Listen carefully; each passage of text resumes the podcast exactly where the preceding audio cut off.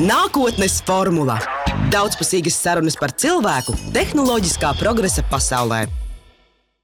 Sveiciens visiem Eiropas hītu radio klausītājiem! Lai gan Covid-19 krīze ir pamatīgi sajaukusi visu pasauli un arī mūsu prātus, emocijas un ikdienas dzīvi, tomēr pasaule laika vai kā, bet iet uz priekšu.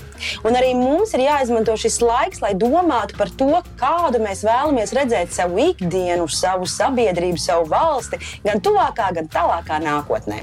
Novembris ir valsts svētku laiks, tāpēc nākotnes formulā izmantosim iespēju parunāt par valstiski nozīmīgiem jautājumiem. Šoreiz tematiskā priekšroka valsts tēlam. Studijā esmu aicinājis Jāni Nīgalu, LIBE valsts tēla nodaļas vadītāju. Sveiks, Jāni! Sveiciens! Pirms mēs ķeramies klāt tēmai par valsts tēlu, manuprāt, pilnīgi loģisks un dabisks jautājums - valsts tēls un LIBE. Kāpēc uh, tieši tu esi tas cilvēks, par, ar kuru mēs šodien varam par šo jautājumu parunāt?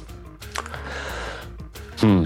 Uh, tieši es, uh, tādēļ, ka šis viss process, kā tas vispār nonāca līdz Lijā, ir, protams, ka.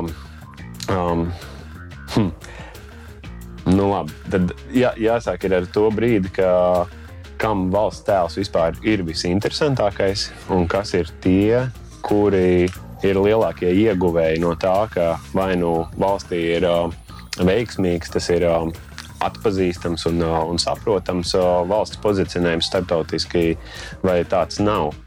Un lielākie ieguvēji, protams, ir visa, visas ekonomiskās attiecības. Un Lijā tika uzdots sākotnēji veidot valsts ekonomisko tēlu. Tas nozīmē, ka Um, viss tas, kas saistāt, saistīts ar eksportu, ar investīciju piesaisti, un turisms arī, protams, ir kā eksports, tikai apgrieztā veidā. Uh, un, un tieši to arī Lijā sāka veidot. Uh, Latvijas institūts savukārt veidoja nu, valsts um, to no, no kultūras perspektīvas, tēlu un drošības, visu to, kas saistās uh, klasiski ar ārlietām. Un, uh, un tad bija tāds process, kurā Lijā un Latvijas institūts kopā veidoja um, nu, tēmu definēšanu. Kas ir tās Latvijas tēmas, ar kurām mēs sev esam interesanti, ar kurām mēs varētu būt interesanti starptautiski. Un tas bija iesaistošs process. Kopā, ja nemaldos, bija 116 uh, dalībnieki dizaina domāšanas procesā no uh, visdažādākajiem sektoriem. Tur bija gan kultūra, gan uzņēmēji, nozaru līderi, valsts pārvalde un, un lēmumu pieņēmēji valsts pārvaldē. Un tas bija tāds process, kurā gāja cauri, meklējot dažādas tēmas. Un, un šo tēmu definēšanas laikā tika saprasts, ka mēs patiešām runājam par vienu valsts tēlu nevis ir kaut kādi dalīti, un, uh, un ka tas ir kaut kas tāds viens kopējs. Un tā kā, uh, tā kā lielākie ieguvēji, jeb šie stakeholderi ir visi, kas atbild par uh, ekonomiskajām attiecībām, tad tas tika arī uzticēts Lijā, kā arī saliekot kopā budžetus un, un ar kādām kapacitātēm, kura organizācija operē, tad tika veikts šis te, nu, teiksim, tā, remonts, kapitālais nē, bet remonts uh, valsts pārvaldē un, uh, un visas uh, šīs pienākumi, viss pienākums tika uzticēts tālāk Lijā. Kas ir valsts tēls? Es domāju, ka, ja mēs izietu ārā uz ielas un uzdotu to jebkuram garām gājējam, mēs saņemtu mm. ļoti dažādas atbildes. Sākot no, nezinu, vizuālās identitātes, un, un logo, un, un, un, un suvenīriem, un turisma, un kultūras piedāvājumu, un sporta un tā tālāk. Kā tu uz to skaties, un, un kas tad ir šī te, jā, valsts tēla būtība, ja tā varētu teikt? Un jā, par to es tiešām varu ilgi, ilgi runāt. Tādēļ, ka tā tēma ir ļoti ietilpīgāka, bet nekas nav vienkāršāk pasakāms, ka valsts tēls ir tas, ko valsts dara, kas valstī notiek. Un, un lai arī mēs bieži tiešām saprotam, ka valsts tēls ir mūsu nu, priekšzīmīgākie vai pamanāmākie vai, vai, vai, vai interesantākie, un tad mēs varam likt visu ko uzņēmumi zvaigznes, kuriem ir īpaši panākumi, vai tie ir kaut kādi tādi mūsu kultūras koda pamat, uh, nu, teiksim, uh, kā to varētu definēt. Pamatelementi. Pamatelementi, jā. Uh, ir ir ļoti daudz iespējas skatīties, un arī valsts tēls ir veidots nu, no šādiem dažādiem klucīšiem.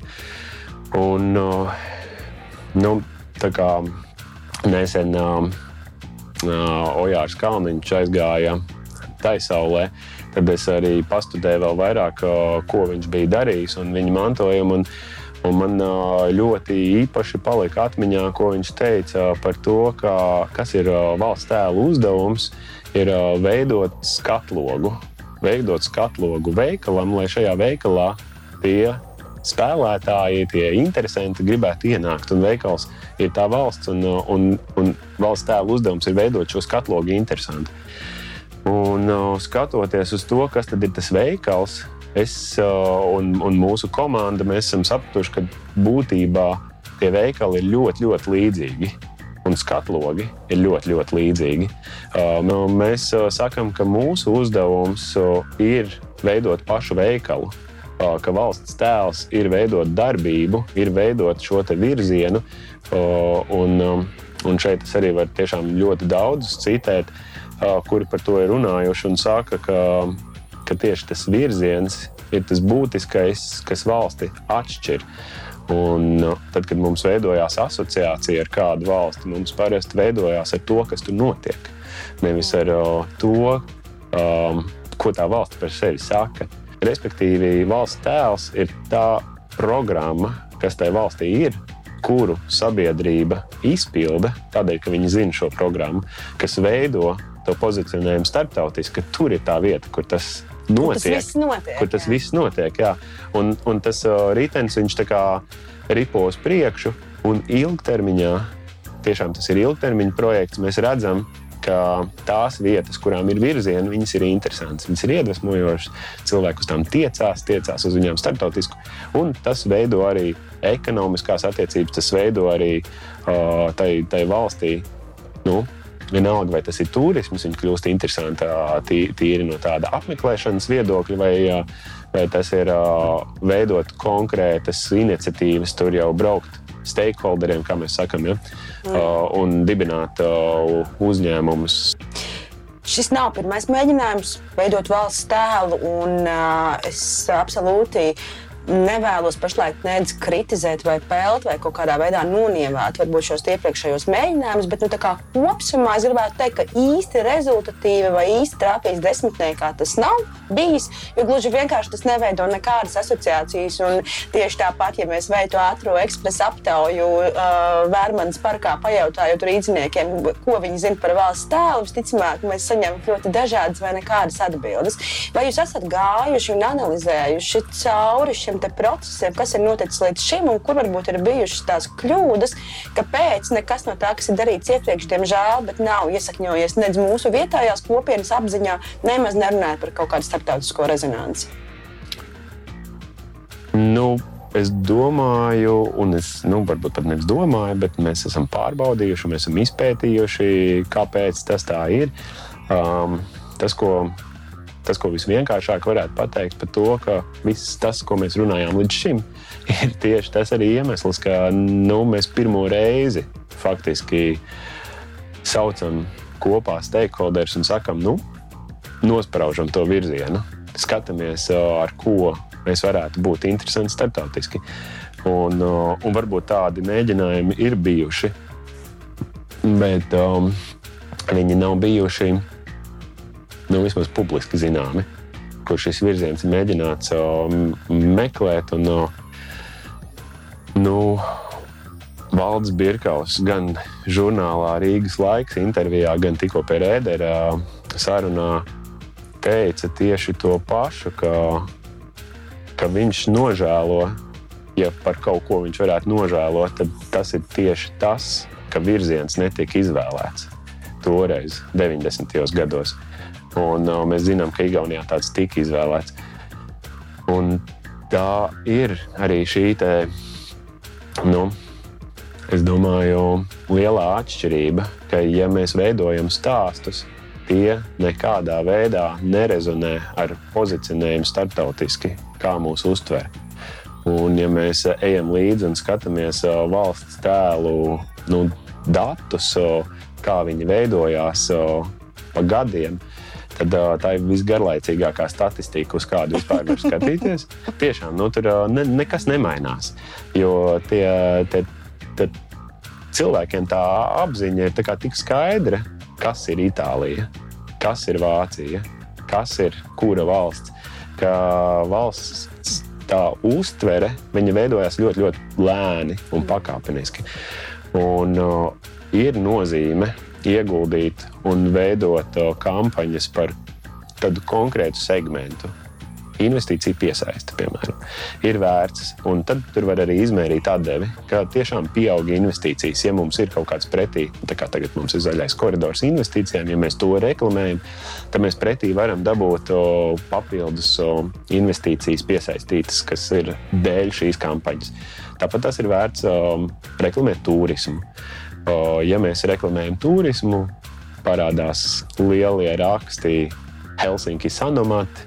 Mm. Kāpiet kuģī, brauciet uz Latviju, jo tur ir iespēja tas dabūt. Un tas un tas. Jā, un tad mēs varam izmērīt, ka tiešām ir pilnāki kuģi, ir pilnākas viesnīcas no somu turistiem. Un, bet tas nemaina valsts tēlu.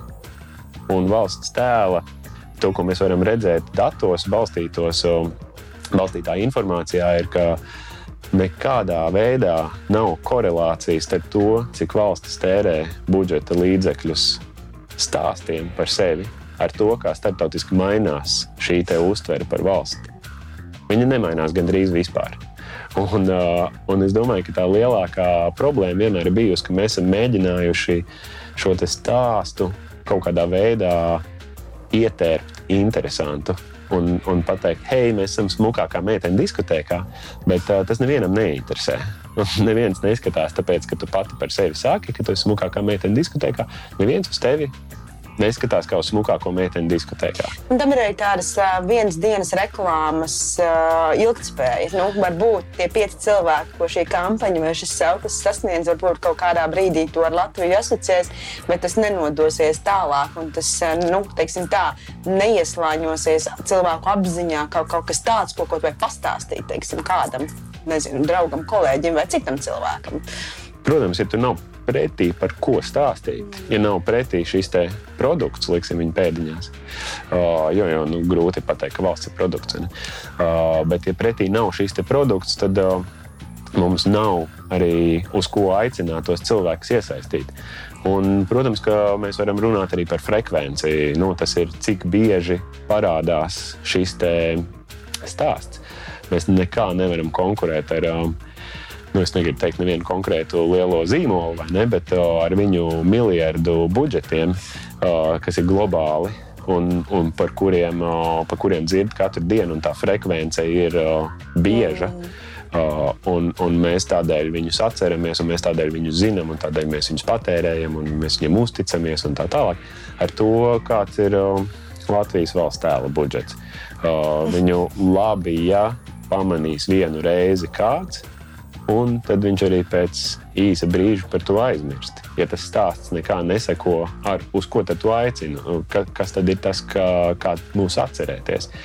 Un, nu, jā, budžeta jautājums arī, protams, bet nu, tas ir. Mēs redzam, ka šo budžetu daudz liederīgāk izmantot, veidojot produktu un attīstot kompetences, nekā, nekā veidot um, vēl vienu stāstu ar citu šķautni, ar citu pagriezienu. Kā ir mūsu kaimiņiem? Man vienmēr ir interesanti zināt un dzirdēt, un, lai gan, protams, šī salīdzināšanās ir kaut kādā ziņā tāda bērnišķīga un smieklīga, tajā pašā laikā jā, vai Latvijas teiksim, tā, tēls kontekstā ar Lietuvu un Igauniju ir kaut kādā ziņā cietis no šī nēsošā kaut kāda piedāvājuma, no šī nēsošā produkta. Jo, diemžēl, vismaz mana pieredze arī starptautiski ceļojot pa dažādām pasaules malām, tomēr liecina to, ka nu, to Lietuvu un Igauniju kaut kā vairāk ir dzirdējuši un atcerās ļoti dažādi iemesli, ļoti dažādi konteksti tam. Bet, diemžēl, es ļoti bieži skaidroju, ka no. es, ne, es neesmu no Lietuvas un rādu kartē, kur tā Latvija ir.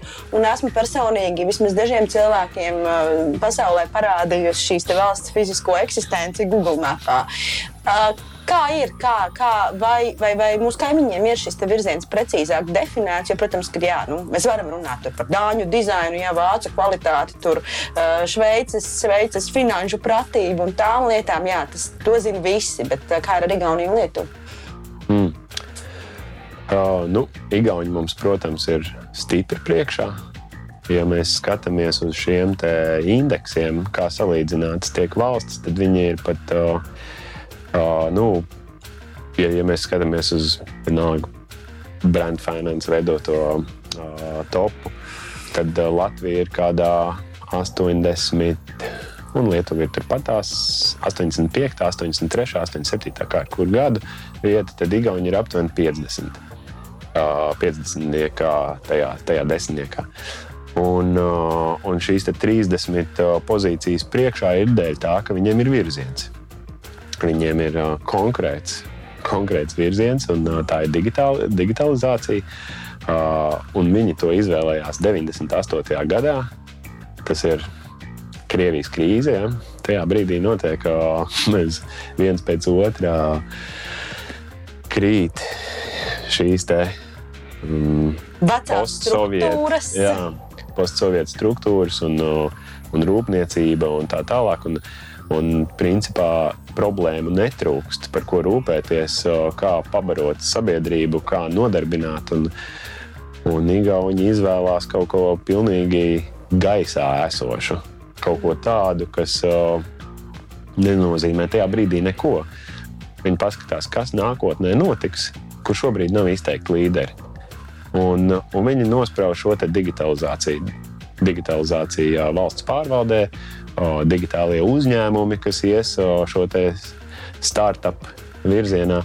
Un, un daudz saka, jā, nu, bet viņiem bija Skype, un, un Skype viņiem bija 2002. gadā. Nu, respektīvi, tas virziens tika izvēlēts, kā saka, out of the blue.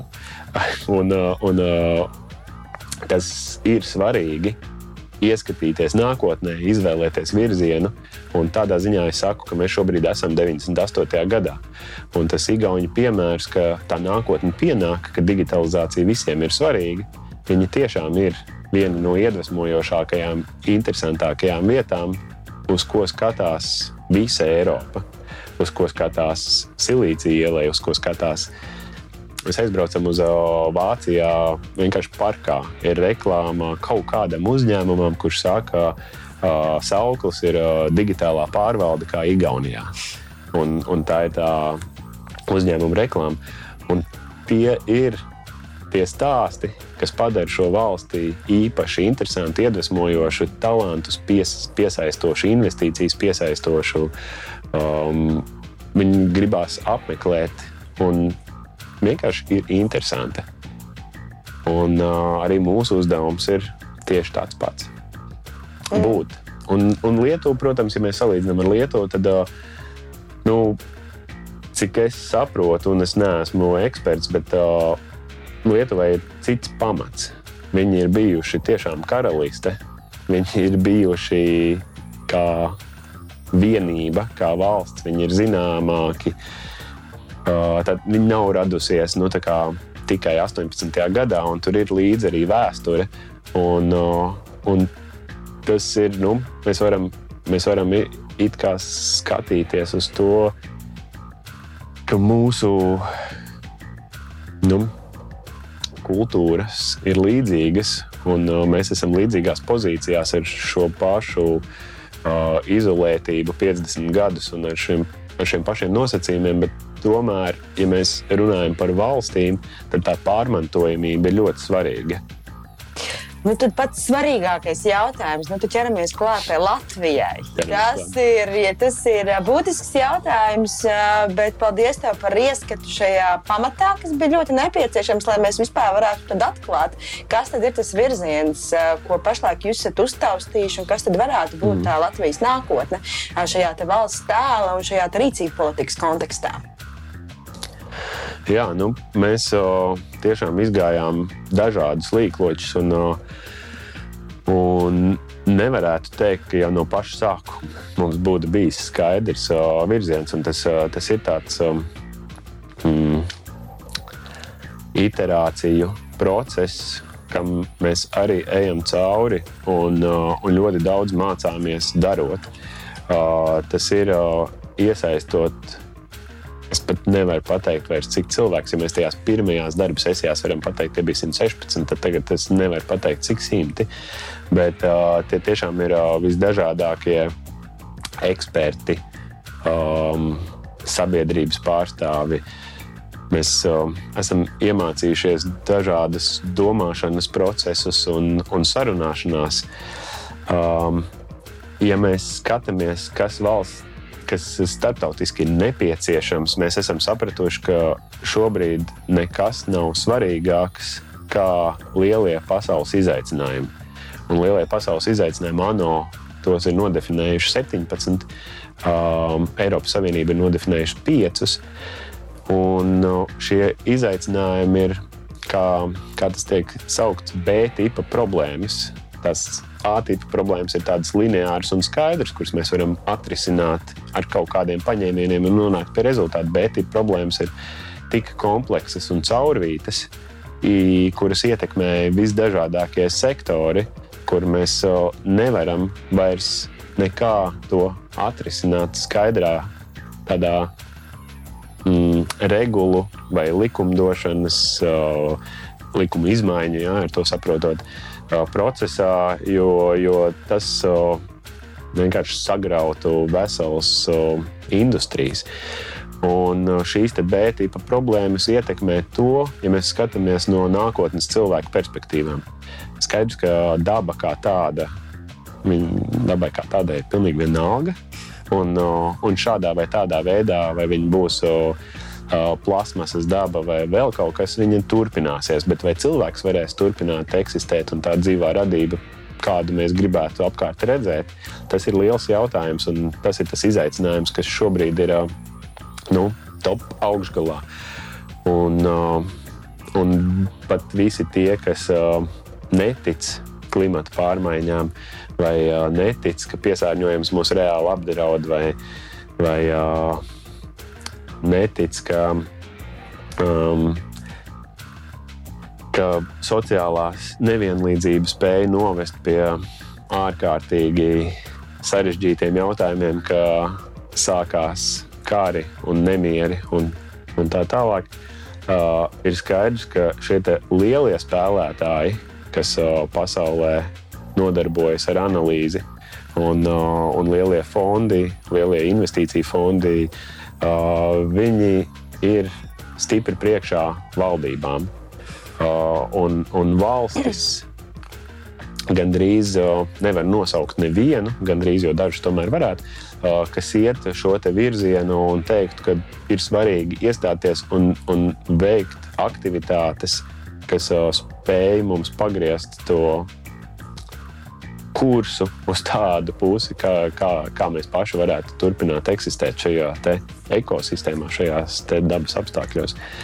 Un šie lielie uzņēmumi, viņi, protams, arī diktē to kursu.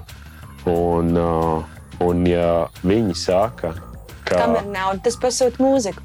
tā varētu teikt. Bet no otras puses, tā ir arī apdrošināšana. Tas nav tikai uh, darīsim labu, pasaulē. Tas ir, mēs esam lielākie uh, nu, tās sistēmas turētāji, bet reizē viņi arī ir lielākie, lielākā riska priekšā, ka viņi var zaudēt šo sistēmu. Jo tiešām mēs esam nonākuši līdz tam, mēs, kā, kā, kā viss pasaule, nevis Latvija, mēs esam nonākuši līdz tam brīdim, kad, ja tādi gadi kā 21. būs vēl nākamie, dabas katastrofa. Un, ja viņi būs vēl trakāki, tad uh, tas stopkrāns tiks norauts. Un to apzinās visi šie analītiķi. Un tas nozīmē, ka, ka mēs zaudēsim visu to, ko mēs esam tūkstošu gadu laikā uzkrājuši, attīstījuši, izveidojuši. Un uh, iestāsies pilnīgi citas kārtības, par kurām Covid krīze nobālēs. Covid krīze nobālēs tieši tā. Un, uh, tā nav biedēšana. Tas nav tā kā lai, lai klausītājs biedētu. Un, uh, bet uh, tas, šie lielie izaicinājumi reizē arī dod iespējas. Un, ja mēs spējam definēt un būt interesanti, izveidojot apstākļus tādus, lai uz šejienes gribētu uh, braukt šie lielie spēlētāji un, uh, un veidot aktivitātes, veidot procesus, kas spēj um, pagriezt to virzienu citā, citā gultnē, tad um, mēs redzam šeit uh, arī tādu uh, iespēju lauku. Jā, kas ir tās lietas, ko mēs varam palīdzēt risināt globālā mērogā? Nu jā, nu tad, tad mēs atnākam līdz tai konkrētajai lietai un misijai jūra. O, mēs tiešām Vis, vispirms vajadzētu pastāstīt par šo vispār misiju pieeju. Un misija pieeja ir tāds uh, teorētisks ietvers, kā Eiropa ir definējusi, kā mēs ar lielajiem izaicinājumiem varam tikt galā. Jo um, iedvesma ir misijā mēnesis, kur arī bija pilnīgi neiespējams mērķis nogādāt cilvēku uz mēnesi, dabūt viņu atpakaļ ar akmeņiem kabatā. Uh, un, uh, Un tajā brīdī NASA un uh, kas. Um, tad, kad Kenedijs to pateica, nebija cilvēku, kurš teiktu, jā, mēs to tiešām varam izdarīt, un mums ir resursu zināšanas. Jo jau viena no lielākajām problēmām ir tā, ka valsts pārvaldē mēs ejam pa tādu kā drošticamu ceļu, tādu šauru trubiņu, kurā tikai tas, kas ir noticis pagātnē, un tas, kas ir noticis, ir drošticams, un to pašu mēs uz priekšu arī projicējam caur to trubiņu. Gan budžetu, gan plānu veidošanā, gan uh, vispār nu, tādas nākotnes veidošanā mums ir jāsakārto tā, kā tas ir noticis. Un tas, tas plašais iespēju lauks, viņš netiek, netiek ieraudzīts. Uh, tad uh, ir šī spēja uzņemties risku, kā problēma tiek definēta. Um, un, un tas, tas problēmas ir ļoti daudz, kādēļ mēs ejam tā, kā mēs ejam. Tas, tas um, nu, tā kā takas atkarība ir tas pēc dependencija, tāds uh, termins, uh, kur, kur ie, iesoļotais ceļš ir tas, par kuru mēs turpmāk ejam, tāpēc ka tur ir ļoti daudz pamatojumu, kāpēc tas tā ir. Un, uh, Mēs varam ļoti daudz saprast, un tie ir gan OECD pētījumi, gan, gan ANO, gan Eiropas Savienības dokumenti par to, kas ir nepieciešams. Bet uh, tam arī viss nākamās Horizon programmas sauksies misijas, un tas viss ir misiju ietveri. Uh, ir tas, kas, um, un, un kā jau minēju, Eiropai ir pieci šie virzieni, kurus, kuros, kuru ietvaros ir jādefinē misijas. Bet tas, ko mēs redzam, ka neviens nesaka, kā tās misijas realizēt. Un katram uh, ir kaut kāds tāds savs skatījums, ko tā misija īsti nozīmē. Un, un jo vairāk uh, mēs pētām, jo vairāk mēs redzam, ka tas pa lielam tā pati Horizon programma vien ir. Tad mūsu mērķis ir izveidot tādu tiešām inovatīvu sadarbības struktūru. Jo, nu, būsim atklāti, mēs esam neliela valsts. Un kā neliela valsts, mēs varam būt arī diezgan elastīgi. Tas mums ir jāizmanto kā trumps un jākļūst par šiem pirmiem misiju pieejas uh, ieviesējiem. Misija Baltijas jūra. Ko tad mēs ar to jūru darīsim? Tā problēma nav tajā, ka jūra piesārņojās un neviens viņu neatīra. Problēma ir tā, ka uh, tas dizains, kā mēs apējamies, kādas ir cilvēku prakses, kā mēs apējamies ar ūdeni pilsētās, kā mēs apējamies ar ūdeni ražošanā, kā mēs lietojam ūdeni lauksaimniecībā, ko mēs darām ar ūdeni visdažādākajos līmeņos. Tas ir tas, kas noved pie šī rezultāta, ka Baltijas jūra ir tāda, jo jūrā nomainās ūdens ļoti reti, vienreiz 45 gados. Un, uh, un tā cilvēka ietekme, cilvēka faktors ir visredzamākais. Ja mēs skatāmies uz citām jūrām, kuras ir atvērtas plašākiem okeāniem, tad uh, tur uh, tā ietekme ir redzama daudz mazāk, jo tas ūdens aiziet lielākā basēnā. Un, un to mēs ieraudzīsim varbūt pēc vēl 150 vai 200 gadiem. Bet šeit, Baltijas jūrā, to var redzēt daudz ātrāk. Uh, misijas mērķis ir attīstīt tādas iniciatīvas, tādas prakses, kas attīsta inovāciju un veido iespējas, kā šo dizainu darīt pareizi. Kā šo apiešanos ar ūdeni veidot tādas pareizas prakses, lai mums tā jūra vairs nebūtu netīrākā jūra pasaulē. Un, un, un tas nav tikai par tādu attīrīšanu, tas nav tikai zaļo klubiņš, bet mūs, protams, interesē. Un man nav nekas pret zaļo klubiņiem, bet tas ir kā sasniegt tos pašus mērķus, attīstot industrijas visdažādākajos līmeņos. Un, ja mēs skatāmies, kuri, uh, kuriem mēs paveram plašas iespējas, tad tur tiešām mēs varam redzēt ļoti, ļoti daudz industriju. Man ir grūti pat iedomāties, kura nav iesaistīta tajā, kā mēs apējamies ar ūdeni. Gan mēs arī skatāmies uz, vispār, uz visiem šiem bioloģiskiem procesiem. Uz, uz ietekmi, kā tas rada vai nerada piesārņojumu. Un šīs prakses mēs negribam nekādā veidā um, veidot caur likumu ierobežojumiem, kā to redz šis Green Deal virziens, kā to redz um, nu, visas tās iniciatīvas, kas ir zem Green Deal. Bet uh, drīzāk uh, tas mērķis ir. Um, radīt jaunas iespējas. Kādā veidā mēs varam radīt šo ekosistēmu, lai tik tik sarežģīti un tik daudzslāņaini, kā tu ieskicēji, lai kaut kā tas sāktu nu, kā darboties un virzīties uz priekšu. Kā vispār kā, sākt, mm. sākt šo iekustināt? Nu, jā, nu, es domāju, ka ļoti labs pamats ir tas, ka mēs jau esam nodefinējuši, ka šis ir valsts virziens, valsts tēla virziens, ko ministru kabinets ir apstiprinājis. Un, un saka, jā, mēs tā tad šo veidojam, šo attīstam. Un, uh, un tagad to piesakot, starptautiski piesakot to uh, dažādiem, nu, nosauksim viņu tā, lielajiem spēlētājiem, viņiem tas ir interesanti. Viņi vēlas uz Latviju nākt, teiksim, spēlēties mūsu smilšu kastē, mūsu, mūsu īpašajos, īpašajos apstākļos, kurus mēs šeit radām.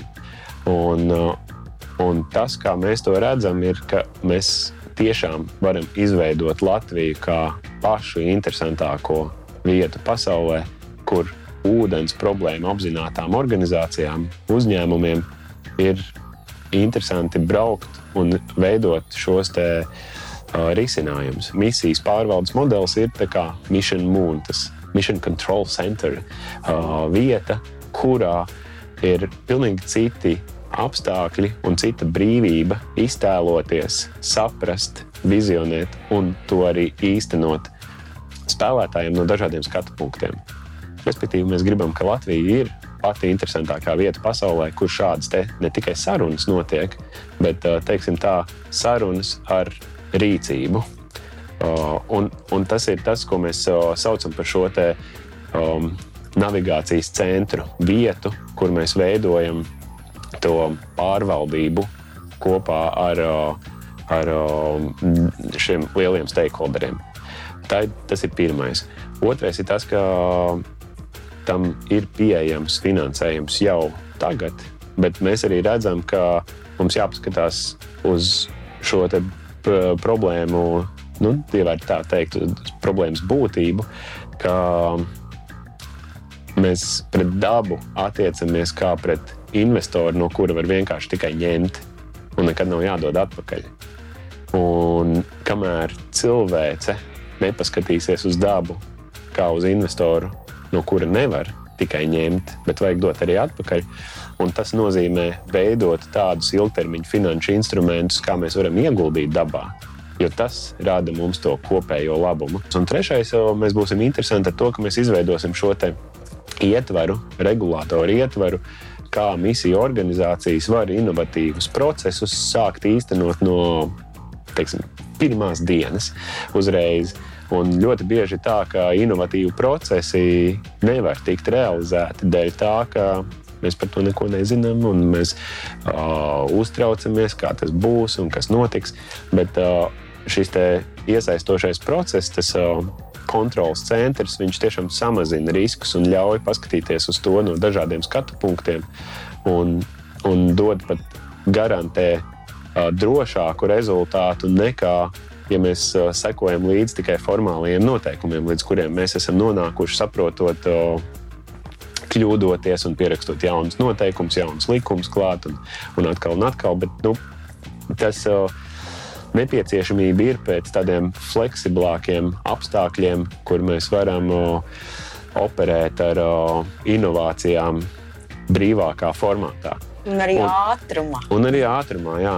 Un šie trīs pīlāri ir tie, kas misiju padara ārkārtīgi interesantu starptautiskiem spēlētājiem. Mums ir jāveido pirmkārt tādi projekti, viens līmenis ar tādiem projektiem, kas ir sabiedrību iesaistošs, kas padara interesantu misiju izprast un attīstīt šo pieeju pēc iespējas tādā plašākā lokā. Un tad mēs šobrīd veidojam tādu misijas līderu programmu, kas palīdzētu ieviest to sabiedrībā un, un saprast un runāt par to un veidot sarunu telpas un veidot sarunu vietas. Un, un, protams, ka Covid apstākļi mums ļoti traucē. Un, un mēs būtu jau atvēruši savu vēstniecību pirmo un jau sākuši šo procesu tagad jau oktobrī, bet līdz ar mūsu situāciju mēs dabūjām te uzlikt nu, tādu pauzi. pauzi, jā, es negribēju tā teikt. Bet, uh, un, uh, un, un tad otrais līmenis ir veidot iniciatīvas, skatīties, kas pasaulē notiek. Tāds, kur uh, rīcība politika atspoguļojas tajā veidā, ko mēs varētu piemērot, kā valstī iekšienē mēs veidojam labāku šo dizainu. Respektīvi, tas būtu, nu, ja salīdzinātu, kā Rīgas doma dod atlaides nekustamā īpašuma nodoklim, ja fasāde centra mājām ir izgaismota. Tad ir tāda programma, kas visiem ir saprotama, pilsēta izstāsta skaistāk, un to, tas tiek veicināts ar, ar šādu instrumentu palīdzību. Tad tāpat tās pilsētā mums ir nepieciešams tas pareizais dizains, kā mēs apējamies ar ūdeni un kā veicināt, ka lielie stāvlaukumi nav vienkārši lietus ūdeņu savākšanas vietas uz kanalizācijas akām un aizsūtīt pa taisno uz jūru caur upi, bet kā mēs varam to ūdeni iesūcināt tur, kur viņam būtu jābūt, kas veido mitrāku pilsētu. Līdz ar to mums ir mazāki riski šiem karstuma kupoliem vasarās, kāda bija piemēram Helsinkos šeit pat tās ziemeļu pilsētā šogad, ja, vai Kanādā, vai vēl citur, uh, kur tieši tie um, mitruma trūkums ir tas, kas atstaro saules enerģiju un rada šo karstumu kupolus. Un, jā, mums jāstāsta tas uh, holistiskā bilde, kā darbojas tā ekosistēma, un jāsaprot, kas ir tās iniciatīvas, kuras mēs varam atbalstīt caur valstiskiem un municipalitāšu programmām. Un tad, tad tas otrs līmenis ir šis.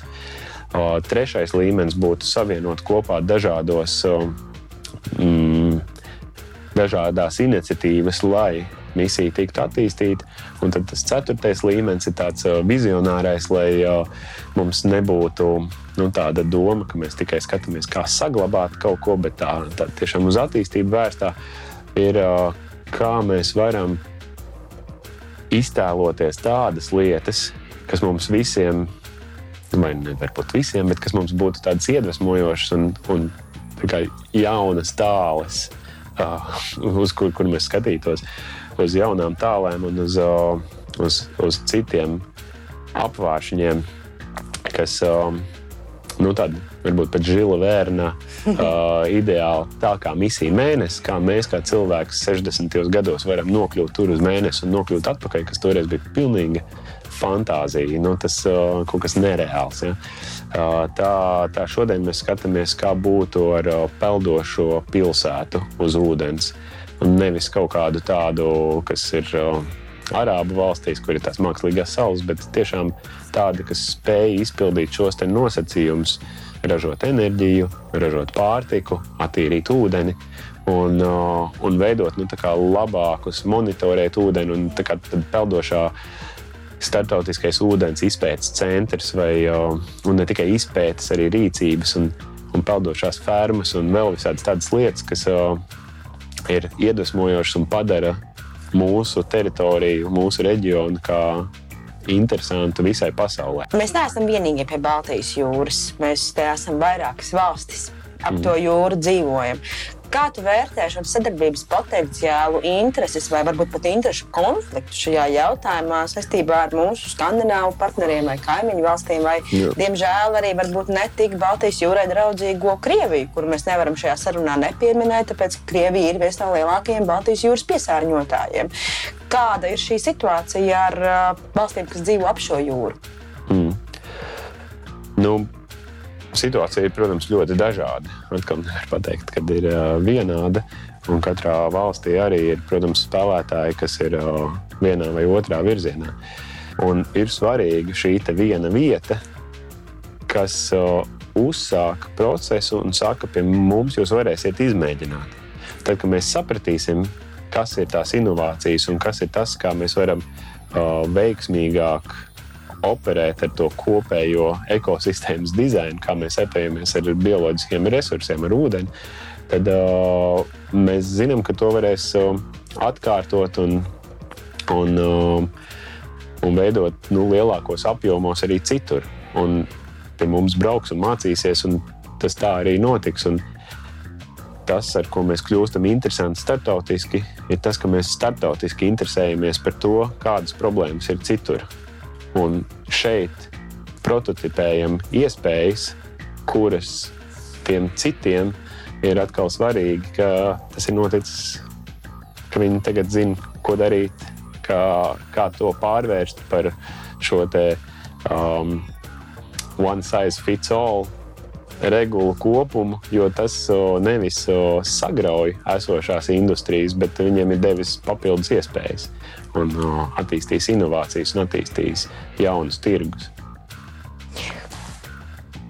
Es uh, nevēlos varbūt tās uh, trivializēt, te pašā laikā man ir liels kārdinājums tomēr to jautājumu tieši tādā formā uzdot, jo uh, es zinu, ka daudziem vienmēr runājot par šādām varbūt grūti sasniedzamām lietām un tālām lietām, nu, jā, kurā tas esmu, ne zinātnieks, ne tur uzņēmējs vai nestrādāju valsts pārvaldē, nu, kāds man no tā labums? Nu, es esmu, es esmu foršs cilvēks, kurš strādā savā, nezinu, darbā, piemēram, pārdošanā, esmu no Reizeknes un tagad dzirdu mūsu raidījumu un varbūt saprotu, ko tas Jānis stāsta, varbūt arī līdz galam nesaprotu, tad kā tu varbūt tādiem vienkāršiem vārdiem noformulētu, kāds ir tas labums jebkuram Latvijas iedzīvotājam no šīs pieejas un no tā, ja par valsts jā, identitātes un zīmola šo kodu kļūst Baltijas jūra?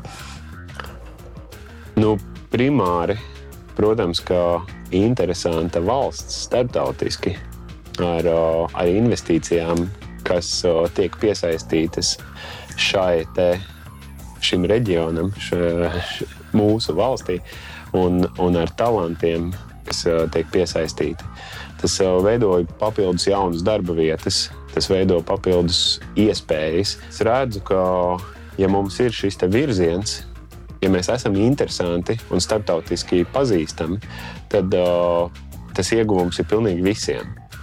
Tas ieguvums ir labākos apstākļos, vairāk attiecībās, un, un mēs zinām, ka daudz attiecības atspoguļojās ekonomiskajās attiecībās. Un tās ekonomiskās attiecības ir tās, kas pavisam triviāli sakot, nozīmē vairāk naudas. Vairāk naudas nozīmē, ka mums visiem būs labāk dzīves apstākļi. Laikrāms. Tas ir uh, 3 gadus, 5 gadus, 10 gadus, 50 gadus plāns, par kādu mērogu mēs pašlaik runājam, lai šī misija sāktos, būtu jau kaut kādi pirmie rezultāti, kaut kāda atdeve un varbūt tās, jā, tiešām šis vēlamais rezultāts. Mm. Mums ir vajadzīga šī sistēmiskās pieejas, kā mēs apējamies ar dabas resursiem, izmaiņas tā, lai šie dabiskie resursi vairs neciestu.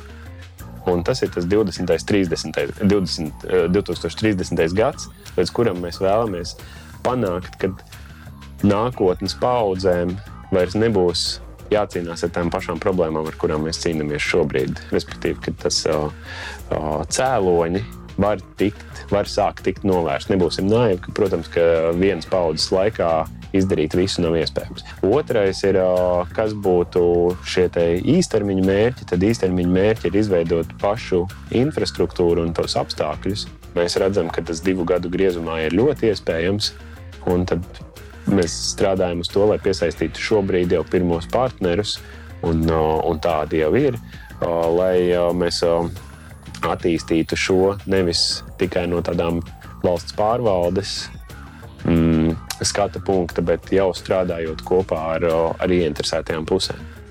Noslēdzot mūsu sarunu, tavs vēlējums mūsu skatītājiem un klausītājiem valsts svētkos. Mans vēlējums valsts svētkos būtu ticēt, nepazaudēt šo ticību, ka mēs esam spējīgi uz lieliem panākumiem, mēs esam spējīgi uz, uz lieliem darbiem. Mēs o, neesam izgāzusies valsts. Mēs esam interesanti, mēs varam būt saliedēti. Un šī misija arī dod iespēju būt saliedētiem. Un mēs varam um, pats galvenais mēģināt un atkal un atkal nepadoties un mēģināt ieviest jaunas lietas, būt traki, panki, pilnīgs rokenrols un iet uz priekšu. Un, uh, un darīt tādus procesus, kas iedvesmo pārējo pasauli. Viņi paskatās uz uh, trakie latvieši, pasties, ko viņi varēja izdarīt. Neviens cits to nevar panākt. Un tas radošums, kas mums ir uh, cilvēkos. Un, un, tad, tā, protams, ir lielākā vērtība kas mēs šeit, ko, ko mēs varam panākt, tad, kad mēs kopā sadarbojamies. Mūsos iekšā ir šis te būt gataviem lieliem izaicinājumiem. Mans vēlējums būtu tiešām apzināties, ka mēs esam nevis maza un neizdevusies un nomocīta, nabadzīga. nabadzīga, nomocīta valsts, bet mēs esam ar lielā, lielu potenciālu, ar lielām iespējām. Un, uh, mēs panāksim un parādīsim fantastiskas lietas.